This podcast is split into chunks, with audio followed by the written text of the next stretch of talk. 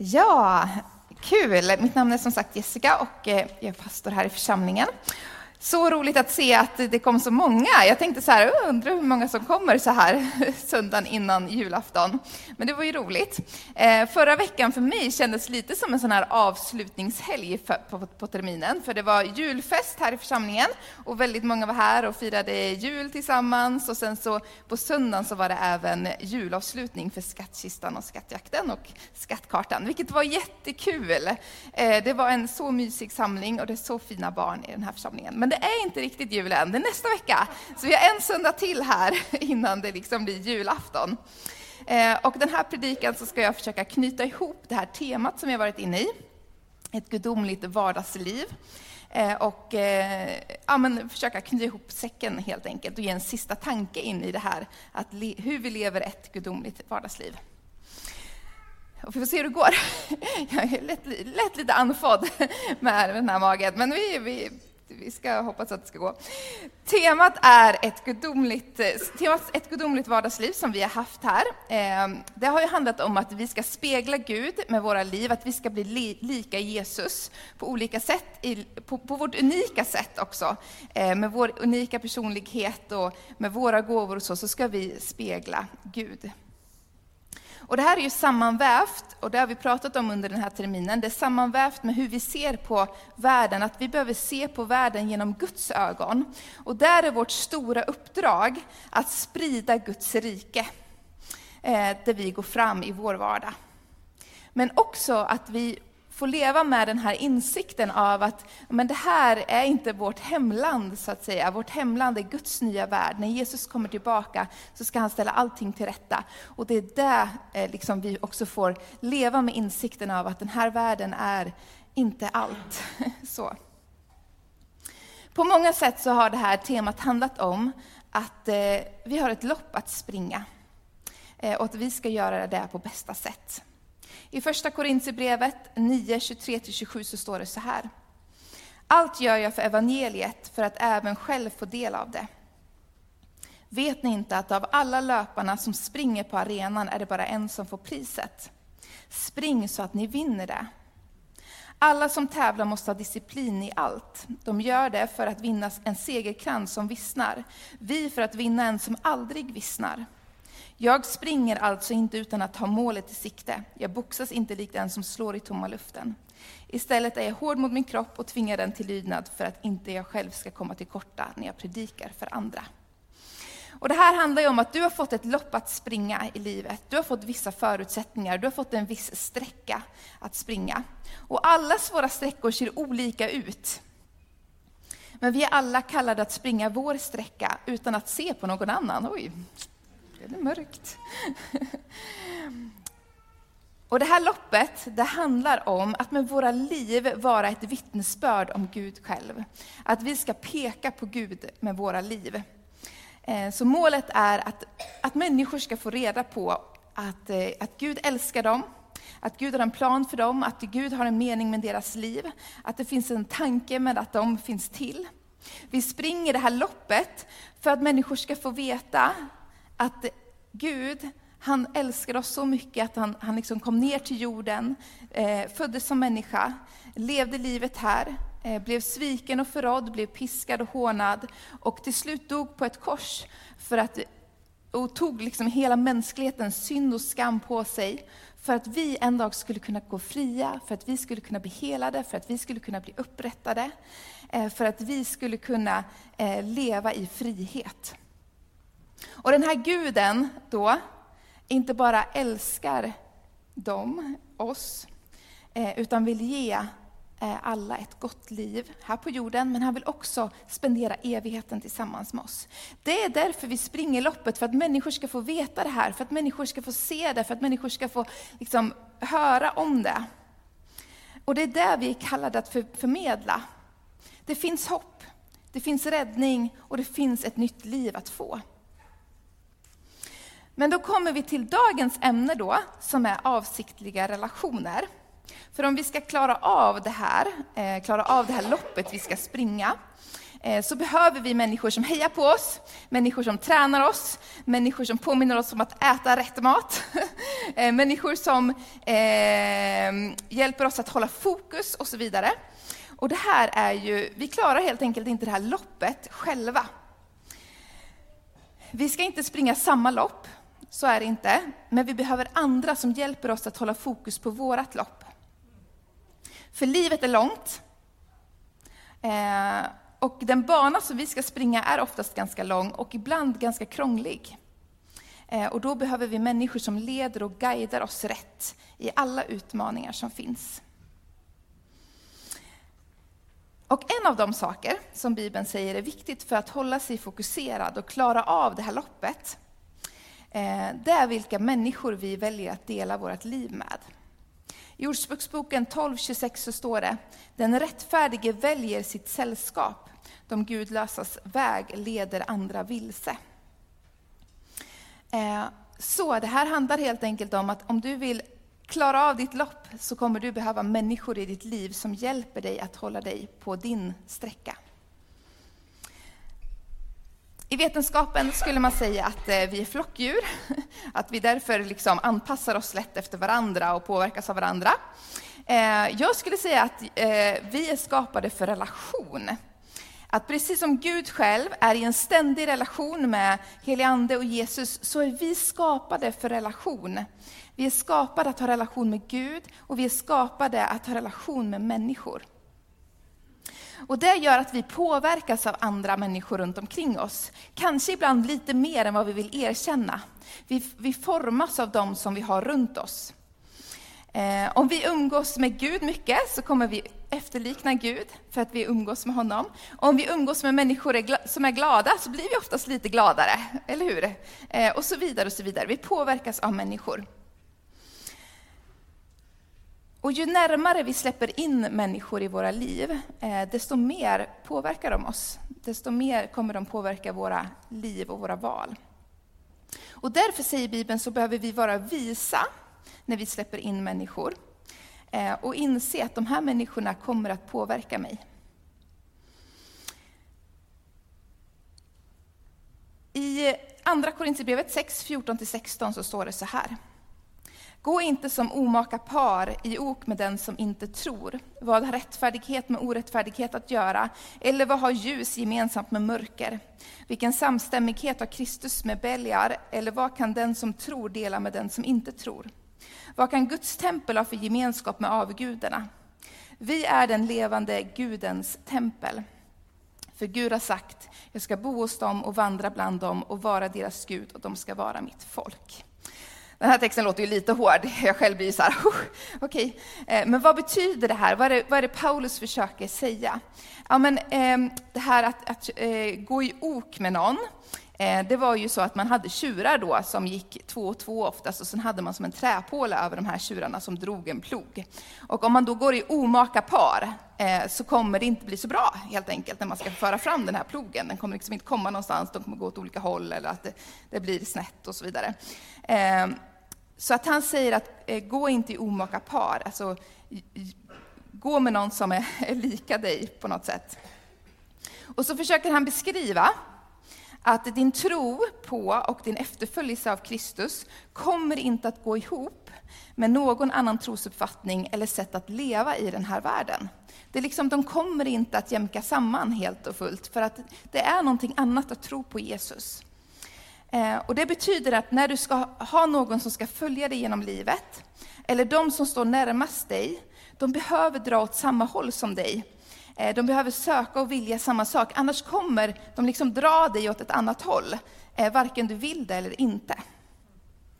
Och betyder det då att man inte ska ha några vänner av andra trosuppfattningar, eller som är ateister eller som lever på ett sätt som kanske man inte gör när man följer Jesus. Men det är såklart att du ska ha massor med vänner. Du kan ha goda vänner överallt. Eh, du är kallad att älska människor och att forma goda relationer med människor. Jag har många vänner som inte är kristna. Eh, och eh, jag älskar dem väldigt mycket. Jag tycker väldigt mycket om dem, tycker de är väldigt kloka människor eh, och så vidare.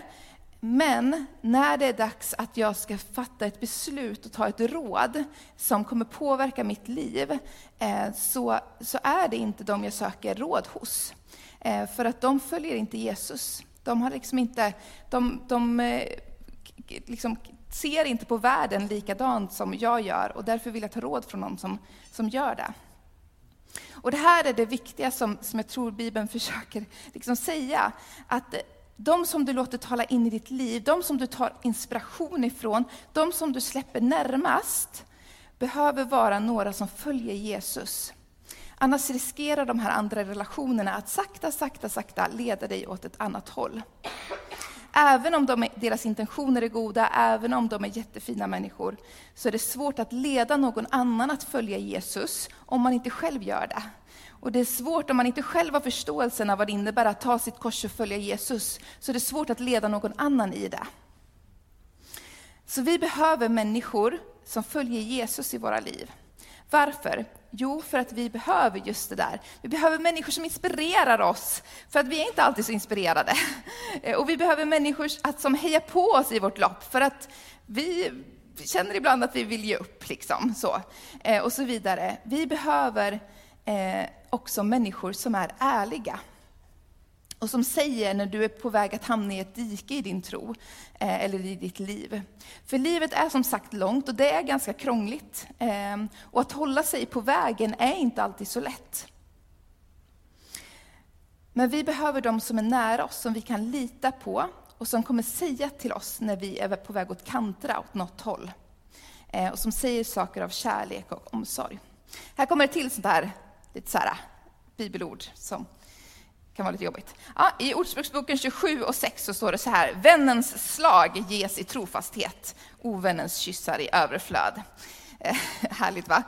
Eh, och det här kan ju låta lite hårt i våra öron då, eh, men ehm, den säger helt enkelt att ibland som vän så kan du behöva ge din vän ett slag i magen bildligt talat, inte bokstavligt talat menar jag nu, utan bildligt talat. Helt enkelt för att den andra vännen kan, kan behöva se någonting som den inte vill se.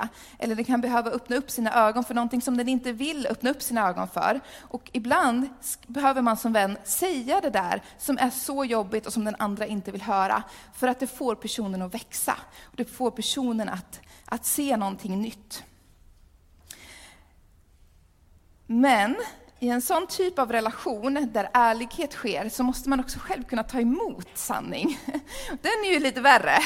Det är liksom lättare att ge sanning och säga sanning till andra än att ta emot när någon annan säger det till en, eller hur? Eh, så. Men det handlar om både och, att jag också kan ta emot sanning.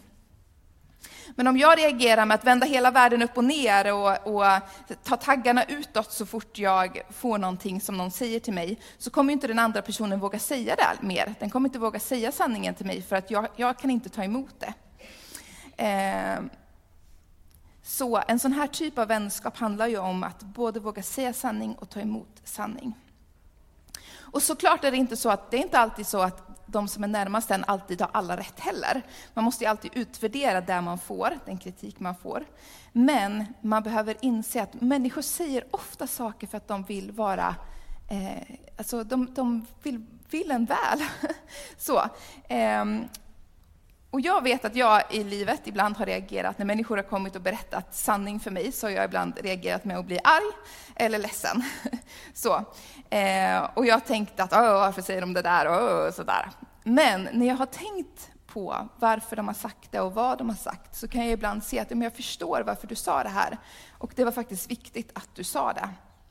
Eh, och med åren har jag försökt lära mig att se att de flesta människor säger saker för att de vill en väl.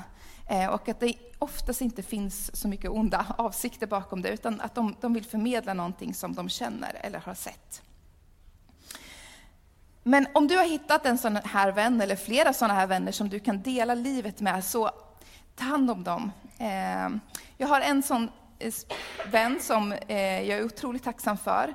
Så där, eh, det kanske tog fem, fem, åtta år någonstans innan vi lyckades forma den typen av relation med varandra. Men idag så står vi väldigt nära varandra och jag vet att skulle jag börja gå åt fel håll, då skulle hon säga det. Och hon skulle säga det med liksom eh, ordentligt, så att jag förstod vad hon menade. Men jag, sk jag, skulle också alltid känna mig helt trygg med att hon älskar mig eh, och att hon, hon vill mig väl. I Ordspråksboken 17 och 17 så står det, en väns kärlek består alltid, en broder föds för att hjälpa i nöd. Så värna om dina vänner om de finns där och eh, ta hand om dem. Men om jag då inte har en sån vän, eh, en del kanske sitter här och känner att ja, men jag har ingen sån vän. Eh, och nej, ibland är det svårt att hitta eh, en, en sån typ av relation. Det kan ta flera år att bygga upp Eh, den sortens relation med, med någon. Så att man kan vara både ärlig och öppen och samtidigt känna sig fullständigt trygg. Och här skulle jag säga att om du inte har några sådana vänner så är det ändå viktigt att eh, hitta kristna att umgås med. Att hitta kristna som du kan ta inspiration utav. Eh, för generellt så är vi väldigt dåliga på att vara kristna ensamma. Eh, det funkar oftast inte speciellt länge, utan vi brukar ofta liksom börja slira lite om vi blir ensamma. Eh, och därför är det så viktigt att oavsett vara kopplad till en församling, gå på samlingar där du möter andra kristna, eh, bjud in på fikan till människor som du känner, hitta på saker. Eh, att forma vänskaper, speciellt i Stockholm kan jag säga, tycker jag, kräver oftast ganska mycket jobb. Och det krävs att man är intentional, man är avsiktlig. Man liksom, jag vill bli vän med dig, nu bokar jag in fikan med dig här och tar fram min kalender och liksom så. Man behöver jobba på det. Eh, men du, oavsett om du hittar de här nära vännerna eller inte så behöver du koppla med en församling. För du behöver andra människor i ditt liv. Det finns en berättelse eh, som jag har förstått är, är sann, men den går så här i alla fall och den här är ganska sammanfattad nu. Eh, men det var en man som valde att, ja, men jag vill inte gå till kyrkan längre, jag tycker det är onödigt, jag behöver inte vara där. Och efter en tid så kom då pastorn på besök Eh, och mannen han satt framför sin kakelugn eller eld så hemma eh, och kollade på den glödande kolen liksom, som fanns framför honom. Och pastorn satte sig ner bredvid honom och sen satt de där tysta bredvid varandra ett tag. Eh, så. Eh, och sen så efter ett tag så tog pastorn en sån här tång och så tog han en glödande kolbit och tog den ur eh, den här glödande kolen. Och så la han den vid sidan av. Och så satt de där och tittade och såg hur den här eh, kolbiten som man tagit bort falnade och blev svart eh, och var bara en, en kall svart kolbit kvar. Och sen gick pastorn hem. Och nästa vecka så var mannen i kyrkan igen. Eh, för han förstod vad pastorn hade försökt säga. Eh, om du inte är med i gemenskapen så kommer din glöd att falna och du kommer, att hålla, du kommer inte kunna hålla dig brinnande själv, helt enkelt. Och han förstod det genom den bilden. Så församling är viktigt. Men jag skulle också säga att många av oss också behöver de där tränarna. Ni vet i idrottssammanhang så har man alltid en tränare som coachar en och som så här, ah, kom igen, du behöver träna lite mer eller springa lite dit eller vad de nu gör. Eh, så. Helt enkelt, människor som utmanar oss och får oss att växa eh, och som stretchar oss lite, som, som är lite jobbiga eh, sådär, mot oss. Ehm, och oftast så kan ju det vara en äldre person eh, som har gått längre i tron. Någon som har stått stabil länge. Eh, att hitta en mentor, att hitta någon du kan följa i livet, som du kan se upp till och som kan, du kan bolla saker med är viktigt. Och nu vill jag säga, speciellt till er som kanske är nya i tron, att eh, även bland kristna så finns det ju de människor som man kanske inte ska följa. Generellt gäller ju principen att se på personens handlingar och eh, dens liv och inte så mycket på vad den säger. Eh, det är enkelt att säga saker, eh, svårare att agera efter det. Eh, men att hitta människor där du märker att de, de lever och agerar efter vad de säger. Och det är ju inte att söka perfektion, för det finns inga perfekta människor. Men att söka människor som är genuina och som försöker verkligen leva efter det de, de säger. Men så ska vi leva ett gudomligt vardagsliv som vi har pratat om hela den här terminen. Eh, ska vi vara lärjungar till Jesus som håller i längden, Eh, som inte slutar springa vårt lopp, som inte springer vilse, eh, så behöver vi andra kristna i vårt liv. Och de vi låter påverka våra hjärtan behöver vara människor som vi kan se i deras liv att de följer Jesus helhjärtat. Och det handlar ju också om att när vi snubblar och faller, när vi kör slut på oss själva eller när vi sprungit fel, så behöver vi människor som hjälper oss upp, som tar hand om oss, som liksom lindar om vår stukade fot eh, och som hjälper oss att hitta vår bana att springa igen om vi har kommit vilse. Det är det jag ville skicka med idag. Eh, och eh, nu vill jag inbjuda dig som känner så här att men jag längtar efter att hitta sådana vänner, men jag har inte det. Ehm, jag har inte några nära som jag delar livet med som är kristna. Eh, jag tror att man kan komma till Gud med allt. Jag tror man kan liksom säga allt man har på sitt hjärta till honom. Eh, så jag skulle vilja uppmuntra dig att eh, både säga det till Gud själv, men också att gå till förbön och låta dem få be för att du ska hitta de här vännerna att dela livet med. Ehm, och sen vill jag också bara vända mig till dig som har sår när det kommer till kristna vänner eller församlingar. Eh, jag förstår att man kan bli sårad. Även kristna är bara eh, människor och församlingar är en samling med människor som är, inte är perfekta på något sätt. Eh, men låt inte dina sår stå i vägen för eventuellt framtida vänskaper. Våga bearbeta de sår du har med dig och våga söka kontakt med människor igen.